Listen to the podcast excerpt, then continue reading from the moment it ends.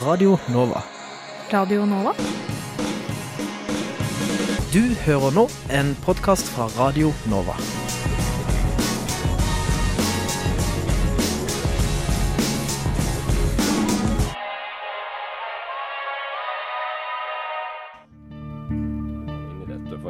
Det det hadde vært siden eh, Noam Chomsky etablerte den greina av lingvistikken som, som jeg befinner meg i. Vi håper jo på bredest mulig oppslutning om SV, og jeg tror at det eneste som kan få norsk løsner båndene mellom staten og kirka, og forhåpentligvis fører til tettere bånd mellom kirka og folk. Så hadde de gjort som andre fjøringsbevegelser i verden, hadde de helt legitimt kanskje tatt i våpen. Og, så direkte skildring av menneskeskjebner tror jeg ikke vi har sett eh, i noen annen nyhetsdekning av noen annen terroraksjon. Det er såpass store forskjeller mellom den kalde krigen, hvor det var to supermakter som sto mot hverandre, eh, og den situasjonen vi har i dag. Du hører på samfunns- og aktualitetsmagasinet Opplysningen 99,3 på Radio Nova. Opplysningen 99,3 på Radio Nova. Begrepet fascisme har blomstret opp etter at Trump ble USAs president. Er Trump virkelig en, president, virkelig fascist? Vi undersøker dette med Elisabeth Wolff i dagens sending.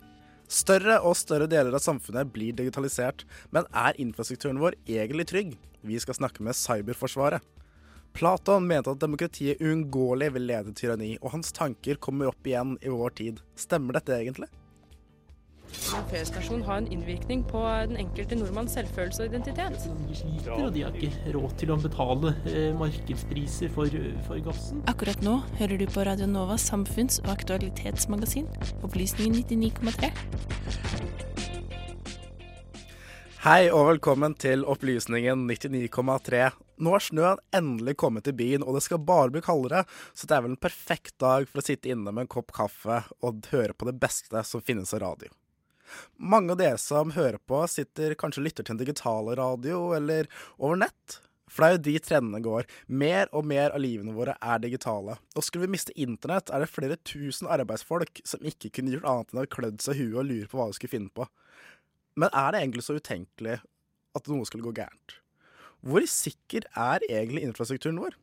For å finne ut av dette snakket vi med Knut Grandhagen fra Cyberforsvaret litt her. Forrige uke kunne vi høre om indiske IT-arbeidere som hadde tilgang til det norske nødnettet.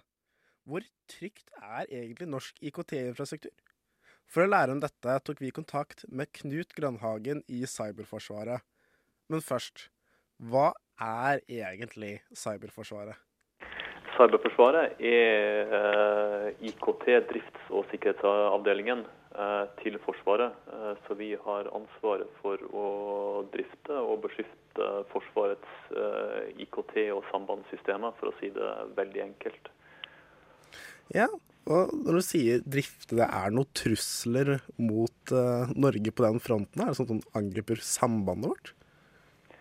Altså, digitale trusler har jo blitt en faktor eh, over de siste årene, og spesielt nå eh, aktualisert, som vi har sett i mediebildet, over de siste eh, månedene.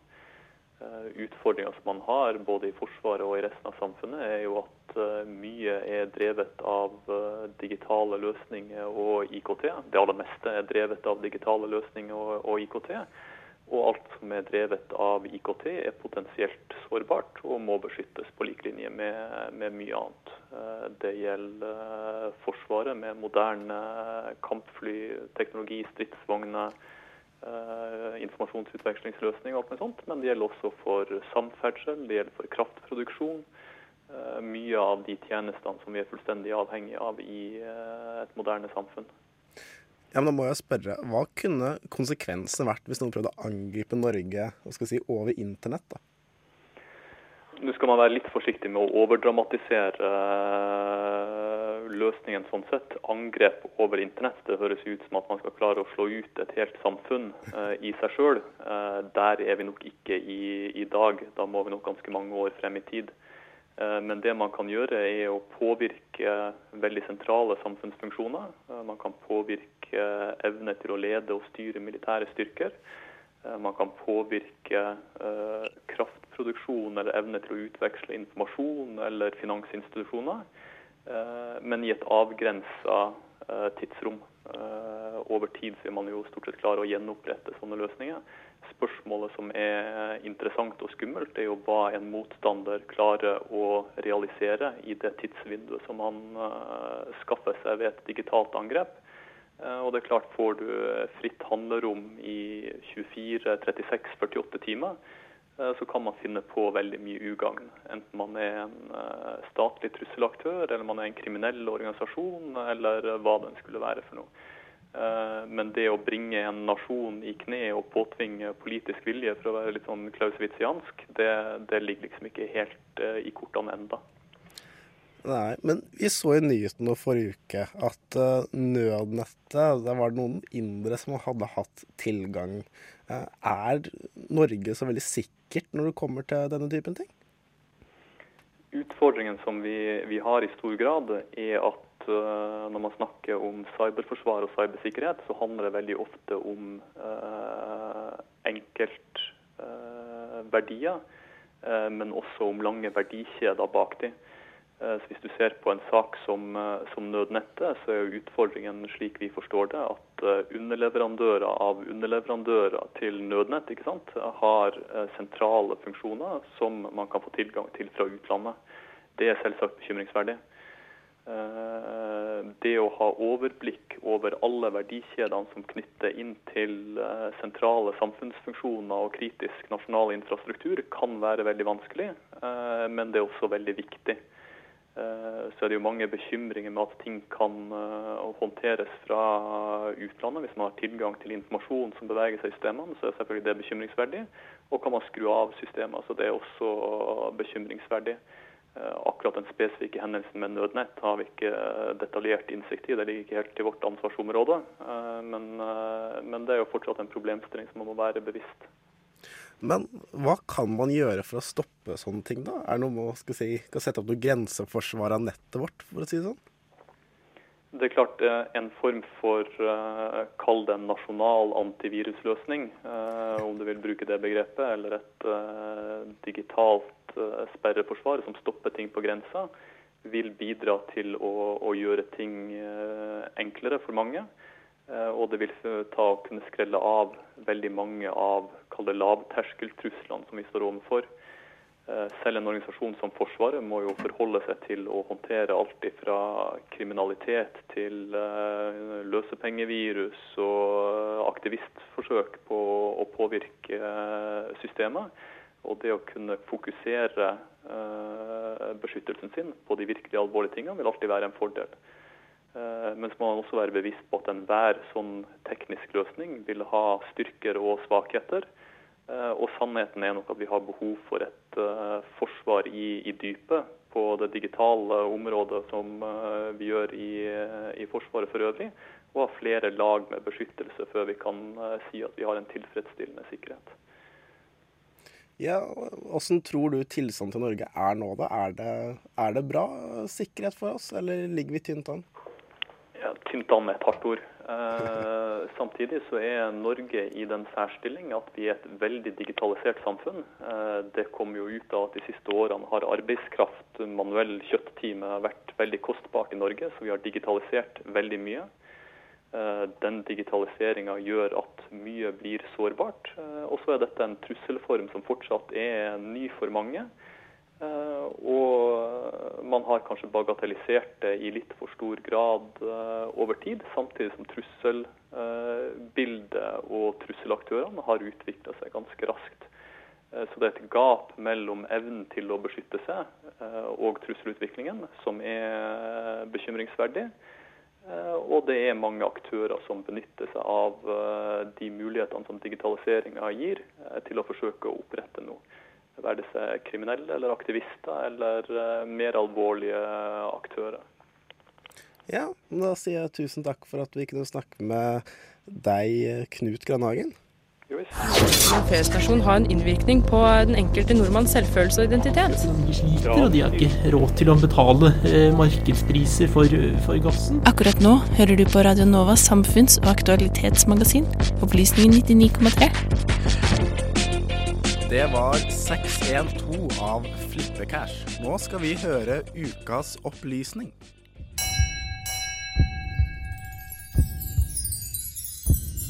Ukas opplysning.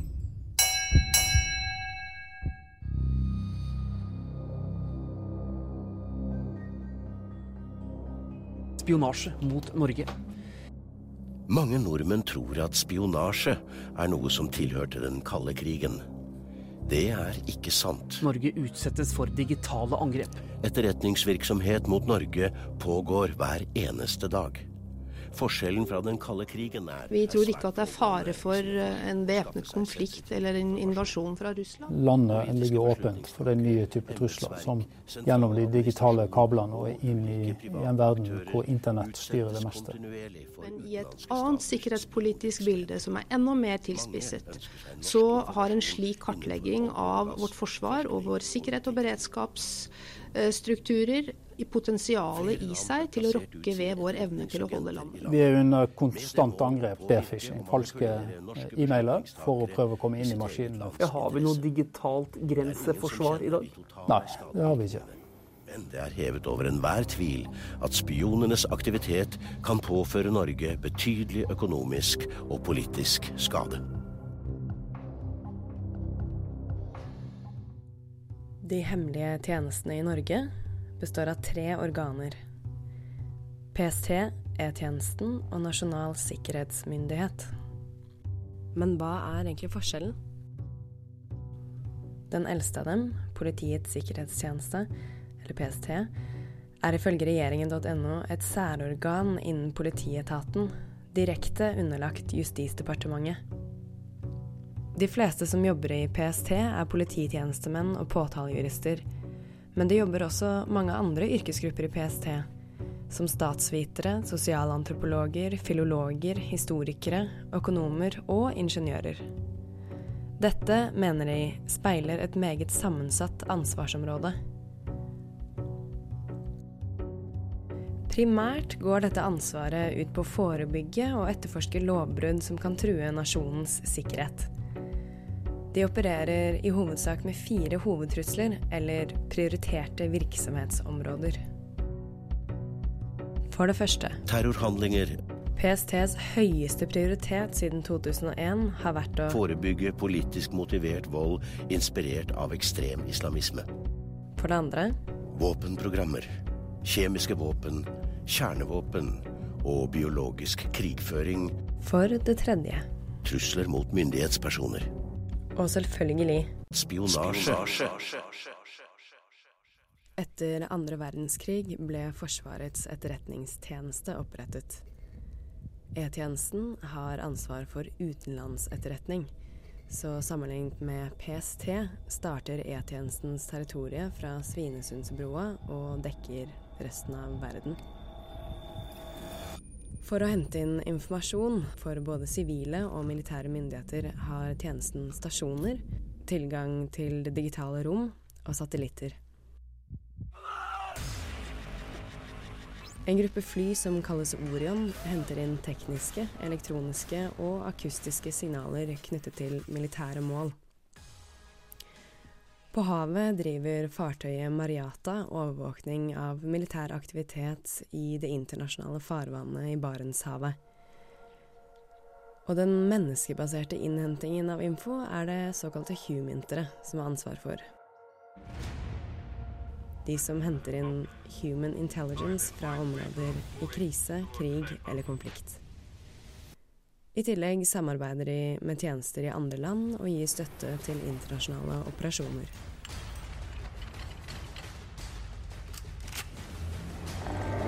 Du hører på Opplysningen 99,3 på Radio Nova.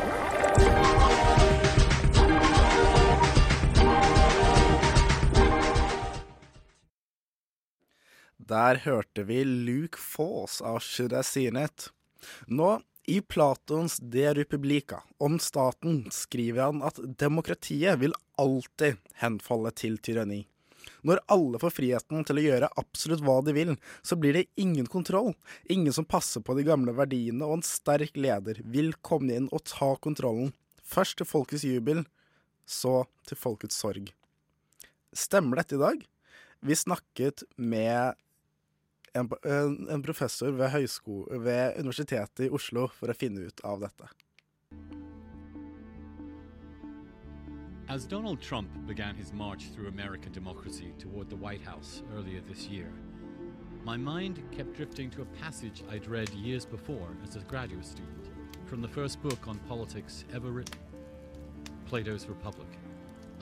The passage is from the dialogue where Socrates and his friends are talking about the nature of different political systems, how they change over time, and how one can slowly evolve into another.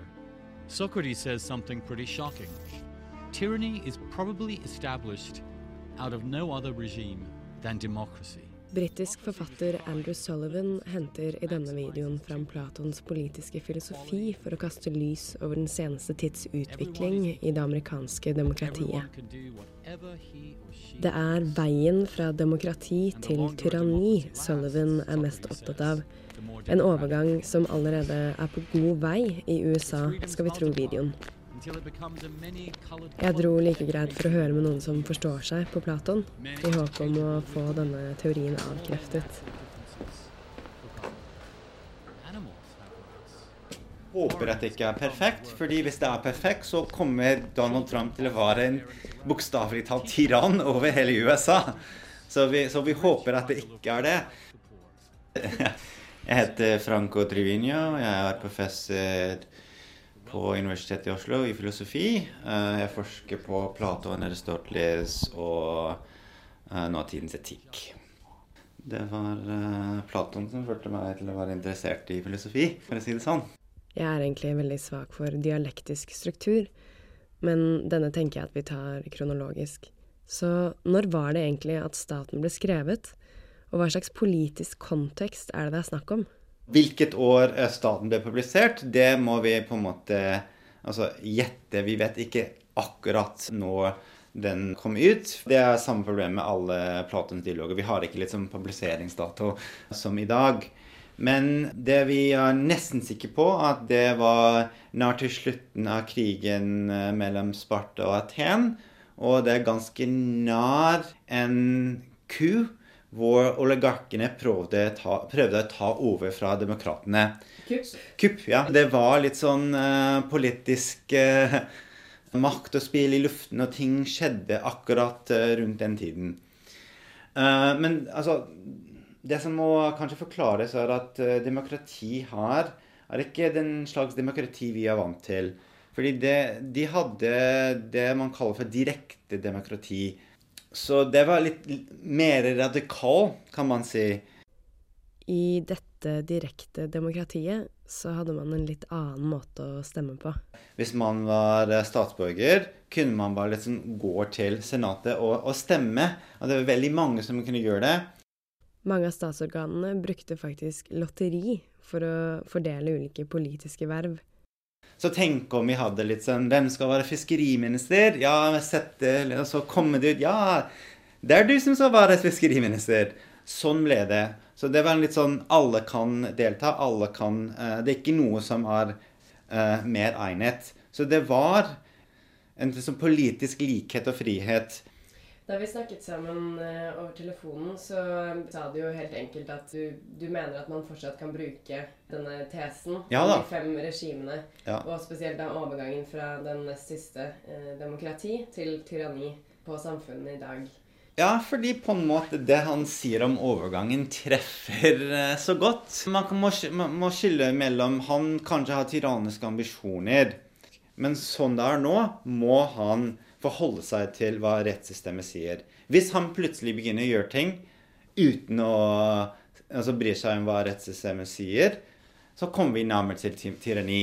Fordi systemet nå er slik at det er en sånn balanse mellom de forskjellige organer, slik at den pre presidenten kan ikke bare gjøre hva som helst. Nå, det kan også hende at Trump, som er vant til å være CEO, trodde at det var slik at presidenten kan gjøre hva han vil.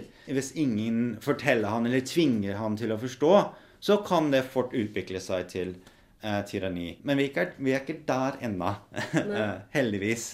Men det, det, som, det, som, er selvfølgelig veldig farlig altså Tenk på hva skjedde i Tyrkia. Altså Hvis det blir et forsøk på Trump La oss spekulere nå. Eh, hva kommer han til å gjøre?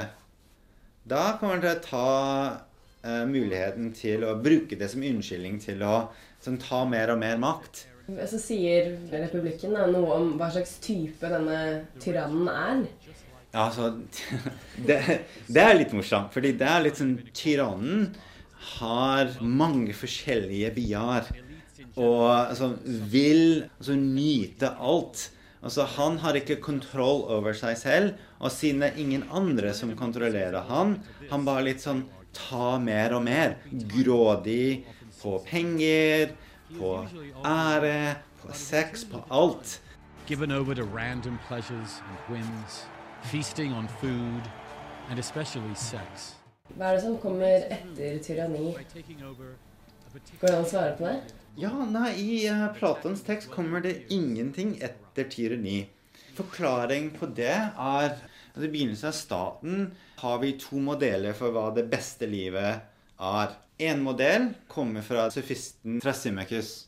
Man kan drepe hvem som helst, ligge med hvem som helst. Alt. Det er lykke. Og det kan man få bare hvis man er tyrann. Fordi hvis man er tyrann, man kan gjøre hva man vil. Det blir ikke noen konsekvenser. Kontra Sokrates dydig menneske. Og dydig menneske har selvkontroll, kontroll, rettferdighet osv. Så, så det er derfor det slutter der. Fordi det, han har da kommer til enden av argument mot Trasimicus, som eh, mener at det beste livet er eh, maksimalt frihet gjennom eh, makt. Si at i hvert fall i Vesten da, så er vi på vei mot uh, tyranni. Er det noen vei tilbake til aristokrati? Ja, altså Hvis... Interessant nok sier Platon ingenting om det. Om, om veien tilbake. Uh, han, si, han, beskriver bare den veien nedover. Uh, og ikke den veien tilbake. Han, ha, han, sier ting om hvordan man kunne etablere den ideelle staten. Men da mener han at man må heller begynne helt på nytt. Etablere et annet land et annet sted. Og begynne fra begynnelsen, for å si det sånn. Men sier han noe om hvordan man kan bremse prosessen? Altså hvordan man kan holde igjen for å eventuelt bli i demokrati, da, eller bli i en av regimene? Ja vel, han sier at uh, det som pleier å skje, er at enten de rike eller de eliten de selvfølgelig vil ikke ha tyrannen. Så de prøver enten å drepe han eller å sende han ut av landet. Så det er, det er, sånn, det er oppskriften, kan man si. Eh, men det er ikke litt sånn noe folkelig oppskrift for hvordan man skal stå imot. Eh, han snakker ikke om protest eller uh, sånne ting. Og, jeg mener det som skjer i USA nå, som er mest spennende, at det blir så mange protester, at så mange folk blir engasjert. Uh, det syns jeg er, kjempe, er kjempeviktig. Og det er ikke noe Platon snakker om.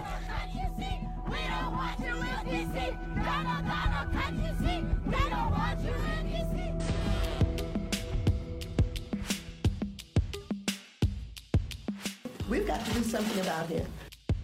He's not going to build anything. Altså Det er ikke litt sånn en praktisk sånn guidebok til hvordan man skal håndtere forskjellige regjeringsformer. Men han mener at uh, han truer mange og masse verdier, slik at uh, uh, folk vil naturligvis prøve å stå imot. Og spørsmålet om han blir til tyrann, handler om om de som står imot, er vellykket eller ikke. Okay. America great again, we have to fight to keep it great. We have to fight to keep it This is what democracy looks like! Show me what democracy looks like! This is what democracy looks like! accept that. Do you think that's right? accept it? No. Accept that he's going to do what he says? Yeah.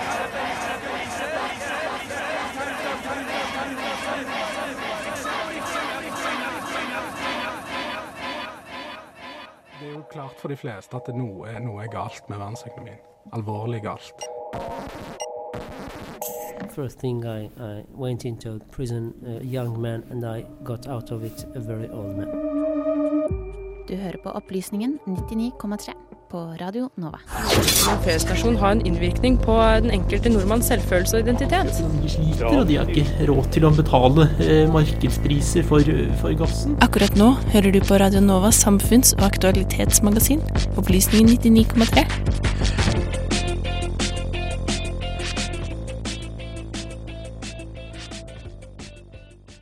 Da hørte vi Josegull av Here and Now. Den siste tiden så har begrepet fascisme blitt brukt mye om Donald Trump og hans presidentskap. Den politiske ideologien er mest kjent i sammenheng med Benito Mussolini, diktatoren som styrte Italia fra 1922 til 43. Men hva innebærer egentlig fascisme, og er det riktig å betegne Donald Trump som en fascist? For å belyse dette temaet har vi med oss Elisabetta Wolff, førsteamanuensis i historie ved Universitetet i Oslo, som har fascisme som sitt spesialfelt. Velkommen. Takk. Først og fremst, hva er egentlig fascisme for noe? Fascisme er eh, tre ting, vil jeg si. Politisk, et politisk regime, en ideologi og en stil. Eh, når det gjelder politisk regime, så refererer vi selvfølgelig til eh, prototypen, som er den italienske fascismen, som du sa, fra, fra 22 til 43. Og det er, eh, det er et, eh, et politisk regime som inspirerte flere i Europa i mellom, mellomkrigstiden. Eh, nazismen selvfølgelig, men eh, også fascistiske ledere som, eh, som eh, Leon de Green, som eh, Quisling i, i Norge. Så det er plassert, godt plassert i tid og, og sted. Og det er, eh, det er karakterisert av diktatur, selvfølgelig, undertrykkelse, autoritære løsninger både i politikken og i økonomi. Og så er det en ideologi. Eh, fascismen er eh, både antikommunistisk og antikapitalistisk. Vil finne en tredje vei, vei mellom de to er eh, antidemokratisk, men ikke reaksjonær. Det vil si at uh, vil finne en, uh, et alternativ til det liberale dem demokratiet. Fascismen er antiindividualistisk i og med at uh, de mener at individet har for en mening for sin eksistens kun i et fellesskap. Og fascisme betyr også antiparlamentarisme, dvs. Si sterk lederskap. Ultranasjonalisme. Uh, ultranasjonalisme, altså en nasjonalisme som er antidemokratisk. Uh, de, er, de er tilbøyelige til å tråkke på enkelte gruppes uh, rettigheter. Imperialisme og rasisme, antisemittisme. Den italienske fascismen importerte disse elementene fra, fra Tyskland. Men uh, dette er også en naturlig utvikling for, uh, for en ideologi som priser vold, som priser uh, undertrykkelse, forakt for de svake og intoleranse. Og til slutt stil, den tredje, det tredje elementet. Stil, det betyr førerdyrkelse, det betyr politisk Uh, politisk religion, masse demonstrasjoner, ritualer, symboler osv. Og, og en strategi som, er, som består av både voldsbruk og samarbeid, dialog med andre, med de partier. Mm. Ja, du sa jo at fascismen var imot altså det liberale.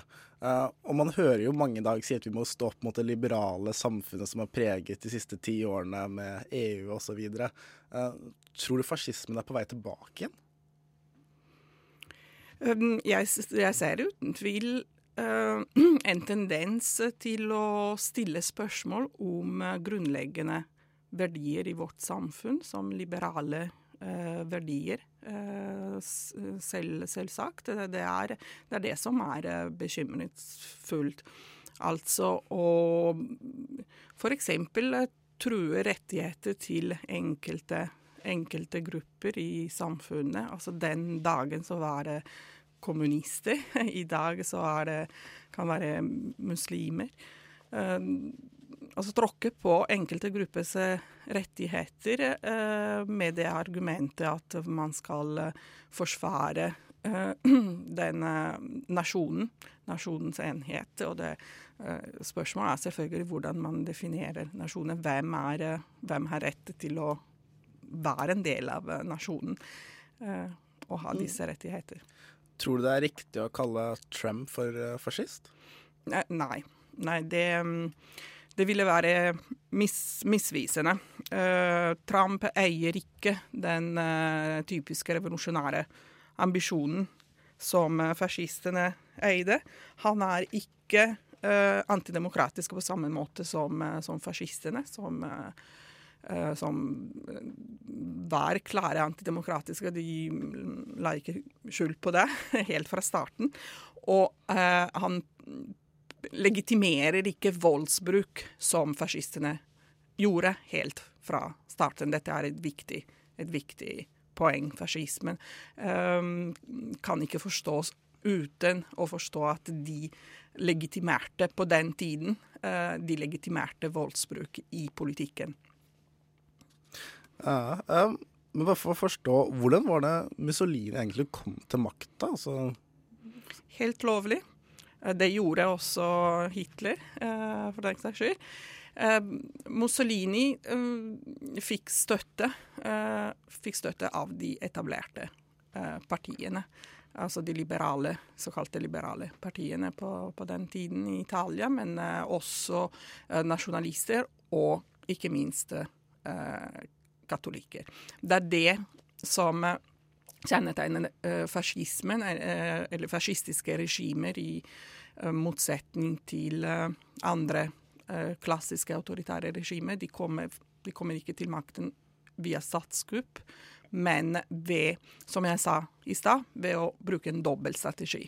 Altså vold i gatene, opprette paramilitære grupper som går rundt og banker opp, eh, opp opposisjonelle eh, ledere, politiske ledere, men samtidig også dialog og samarbeid med de etablerte partier. Altså fascisme er, dette er et viktig poeng å få med seg, fascisme er et produkt av det eh, liberale demokratiske systemet. Når det liberale demokratiske systemet blir svakt og trenger sterke ledere for å overleve, så oppnår akkurat det motsatte. Eh, De eh, liberale partier, de katolske partiene i Italia på den tiden, trodde at de kunne kontrollere eh, Mussolini, eh, innføre lov og orden eh, etter første verdenskrig og, og mm, generalstreik og opprør og opposisjon eh, fra de fra venstrepartiene. Eh, men de ble rett og slett overkjørt av, eh, av Mussolini. men altså, hva skal jeg si, han sneik seg til makta mens folk trodde han de kunne kontrollere ham. Det høres jo litt ut som det man opplever, eh, ja, spesielt i USA i dag. Da. Tror du Trump kan bevege seg mot mer fascistiske trekk? da? Det er en mulighet. Det er det vi må passe på. Så klart Trump er ikke fascist, men har eh, klare autoritære trekk, populistiske trekk. Han utfordrer det liberale demokratiske systemet. Han utfordrer reglene som det liberaldemokratiske systemet er bygget, eh, er bygget eh, på. Han har også en retorikk som, som ligner på mange måter retorikken i, mellom, i mellomkrigstiden. Eh, Og han er ikke alene. Eh, Mussolini var heller ikke alene eh, ved makten, og ikke Hitler heller. Trump har rådgivere som etter min mening ligger mer til høyre enn en ham. Bern eksempel er en klar høyre, høyre radikal. Så spørsmålet er hvem vil få innflytelse, mest innflytelse, størst innflytelse over uh, Trump? Vil det bli som konservative politikere? Uh, Medlemmer i kon- i Kongresset, republikanere, som, eh, som representerer eh, en sånn, den tradisjonelle konservative politikken, som er helt legitimt i eh, USA, eller vil, vil det bli uh, høyreradikale tenkere som vi vet eh, gir råd til eh, Trump eh, disse dager. Mm. Men helt til slutt, uh, tror du det er noe vi kan, opposisjonen kan gjøre for å si, unngå sånne, at han glir ut i mer fascistisk retning? Og det er klart at uh, opposisjonen, både den politiske opposisjonen, altså det som uh, de som sitter i Kongressen i USA, de som satt i det italienske parlamentet på 20-tallet, men også samfunnet. Jeg tror det er enda viktigere å se på endringer i, i, i samfunnet. Altså hvis samfunnet blir mer og mer tilbøyelig til å akseptere antiliberale tiltak av den type uh, innreiseforbud, uh, så, uh, så, har vi god grunn til å, til å være bekymret. Fordi, bekymret, fordi de autoritære og fascistiske ledere, de, de styrer med konsensus, med mm. støtte fra, fra samfunnet. Og så her er det snakk om nettopp om som fascismen, og ikke som tradisjonell autoritarisme, mm. hvor um, det er nok å være lydige. Men da sier jeg tusen takk for at du kunne komme, Elisabeth Wolff. I like måte. Ja. Da skal vi over på en reprise fra tidligere i forrige semester. Har karakterer egentlig noe å si når du kommer ut av arbeidslivet? Det skal vi nå finne ut av. Stadig vekk hører vi at eh, når man søker jobb, er arbeidsgiveren vel så interessert i hvilke erfaringer du har, som ulike verv og stillinger du kan ha hatt, eller andre egenskaper, fremfor karakteren du fikk når du studerte. Men er dette faktisk sant? Eller er det som læreren din, eller moren din, hva vet jeg, faktisk maste om, karakterene følger deg livet ut?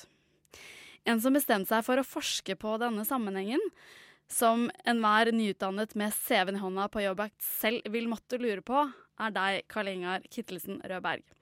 Du er stipendiat ved Senter for profesjonsstudier ved Høgskolen i Oslo og Akershus, og holder på med en doktorgrad om hvordan utdanning belønnes i arbeidslivet. Først, hva fikk deg inn på ideen om å skrive doktorgrad om akkurat dette temaet? Uh, ja, takk. Uh, uh, utdanning er jo en av de viktigste eh, viktigste eh, predikatorene for hvor, eh, hvor, bra du gjør det i arbeidslivet. Det er eh, høyt korrelert med lønn, det er høyt korrelert med, med hvor du finner arbeid osv. Så, videre. så for meg har det alltid vært interessant å tenke hvorfor er det sånn? Altså, eh, vi, vi, vet jo at, uh, at, det er en stor investering. Gå fem år på tre til fem år på skolen, eh, universitet, høyskole. Men hva er det faktisk arbeidsgiver ser etter? Eh, hva er det som gjør at eh, det betaler seg for et samfunn å investere så mye i en person? Og da er, eh, det er min, min doktorgrad det handler om å se på de mekanismene som fører fra utdanning til bedre utfall på arbeidsmarkedet. Mm. Som sagt, Du skal se på da, utdanning som helhet, men du er ja. bare ett år inn i doktorgraden din. Så så langt har du kun sett på sammenhengen mellom karakterer og lønn. Uh, og du har sett på karakterene til alle uteksaminerte mellom 1990 og 2006 innen en mm. rekke utdanningsfelt. Hva har du funnet ut av? Ja, uh, Det vi fant, var at uh, karakterer korrelerer eh, korrelerer med høyere lønn og høyere sjanse for å finne arbeid. Noe som er to av de kanskje viktigste tingene for folk når de går ut og leter etter arbeid. Da. Så vi fant at uh, en høyere karakter, altså et, uh, et standardavvik høyere karakter, gir ca. 3,5% høyere lønn. Da. Noe som er en, om ikke kjempe, kjempehøyt, så i hvert fall en god del høyere enn enn hvis du har dårligere karakter, f.eks. et standardavvik under Eh, under gjennomsnitt. Så eh, det er en karakter belønnes da på en, på en, god måte. Samtidig som vi ser at eh, la oss si du er blant de som får best karakter, så har du rundt 1-2% sjanse for å være arbeidsledig når vi kontrollerer for en god del andre ting. Hvis du er blant de som har dårligst karakter, så har du 6-8 sjanse for å være arbeidsledig. Det er veldig interessant. Vi kommer tilbake til det med arbeidsledighet etterpå. Mm. Men, men, altså, lønnen stiger. Jo bedre karakterer man får, da. Så liksom ja. den er helt uh, lineær. Eh, de modellene vi har testa er lineære i utgangspunktet. Så vi har ikke eh, Det er grunn til å tro at en eh, lineær fremstilling er en ganske god fremstilling av sammenhengen mellom karakterer og lønn. Eh, det er selvfølgelig mulighet for Man kunne ha sett på andre typer modeller, men for oss så var det vi var interessert i den lineære sammenhengen, da. Mm. Men er det da, som jeg innledet med, er det da en myte at erfaring eh, også teller? Altså Vi for eksempel, jeg som bruker altfor mye tid i denne, dette radiostudioet, tenker jo Mm. liksom at jeg kanskje kan få noe igjen for det en eller annen gang, men det er feil, da. Nei, det er veldig riktig. Uh, erfaring uh, Nå kan man jo måle erfaring på mange, mange måter, men f.eks. arbeidserfaring er en av de viktigste uh, viktig, viktigste predikatorene for høyere lønn. Altså de første årene du jobber, stiger lønnen din eh, relativt mye. Da. Så, så det er helt klart at den erfaringen du får gjennom enten å være i arbeidslivet, og kanskje også på, på studieaktivitet ved siden av studiene, eh, unnskyld, eh, ja, eh, andre aktiviteter ved siden av studiene, kan være veldig, veldig viktig i arbeidslivet. Eh, vi har ikke testa på karakterer opp mot noe annet. Så jeg kan ikke svare direkte på hva som er viktigst. Eh, det eneste jeg kan si, er at eh, karakterer er høyt korrelert med lønn. da. Men er det egentlig en nyhet Altså er det egentlig en nyhet at både å ha bra karakterer og ha bred erfaring er fordel for å få god lønn? Er det en nyhet? Eh, innenfor forskningsverdenen så er dette relativt kjent. Altså det er flere studier som har sett på dette. Eh, vår studie ser på under hvilke forhold er det du får ekstra godt betalt. Eh, eksempel så er det sånn at innenfor noen, eh, noen, eh, noen uh, type fag så får du nesten ikke betalt for, for, høyere, uh, for, for bedre karakter. Mens i andre så er det en veldig stor, stor belønning da, for, for høye karakterer. Men ja, Du sier at det er store forskjeller på Mm. hvordan man avlønnes eh, i ulike deler av arbeidsmarkedet. Men Mm. er det ikke da det enkelte arbeids, den enkelte delen av arbeidsmarkedet den enkelte havner i, som er avgjørende for lønna, og ikke karakteren i seg selv? Er ikke det liksom bare karakterene bare en ja, Eh, ja, du er inne på noe viktig der. Eh, karakterer er viktig, men hvilke At du i det hele tatt valgte utdanning, eh, og hvilket felt du eh, velger, er selvfølgelig de, eh, de, de viktigste valgene du tar. Senere, når du velger hvor mye du vil studere, eh, når du viser hvor flink du er på studiet gjennom, gjennom f.eks. målt på, eh, ved karakterer, da, så, så er ikke det de viktigste, viktigste viktigste predikatorene for, for god lønn. Det, det er helt riktig. Det er eh, forskjellen mellom, mellom sivilingeniører eh, sivilingeniører og kanskje noen, noen, noen andre type, type fag er mye høyere enn forskjellen innad blant sivilingeniører når det kommer til karakter. Da. Mm. Så, så det har du helt rett i. Men du nevnte dette med arbeidsledighet. At dere Mm. finner altså en sammenheng mellom gode karakterer og høyere lønn og Mm. lavere arbeidsledighet. Det er Mm. interessant.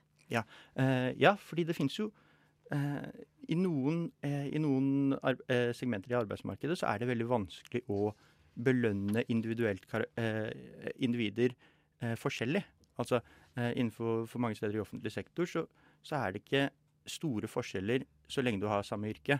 Og det er jo eh, av kollektive, kollektive avtaler osv. Men hvem som faktisk får jobben, er, eh, kan jo selvfølgelig arbeidsgiver bestemme seg for. Og der kan eh, karakterer være en viktig indikator på hva du har klart å lære deg på studiet. da. Så litt avslutningsvis, Ja. bør det egentlig være sånn? Er egentlig karakterer en eh, god, måle god måte å måle gode ansatte på? Det er jo et eh, veldig godt, eh, godt spørsmål. Eh, jeg tror så lenge vi ønsker å belønne utdanning, og så lenge karakterer har en korrelasjon eh, med hvor bra du faktisk gjør det på studiet, så kan det være hensiktsmessig å faktisk skille mellom kandidater på, på karakterer.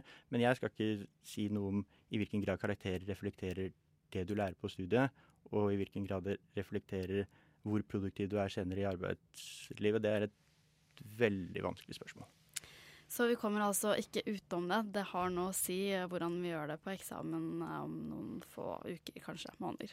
Eh, Tusen takk til eh, deg, Karl Ingar Kittelsen Rødberg. Du er altså stipendiat ved Senter for profesjonsstudier ved Høgskolen i Oslo og Akershus. Du hører på Opplysningen 99,3 på Radio Nova.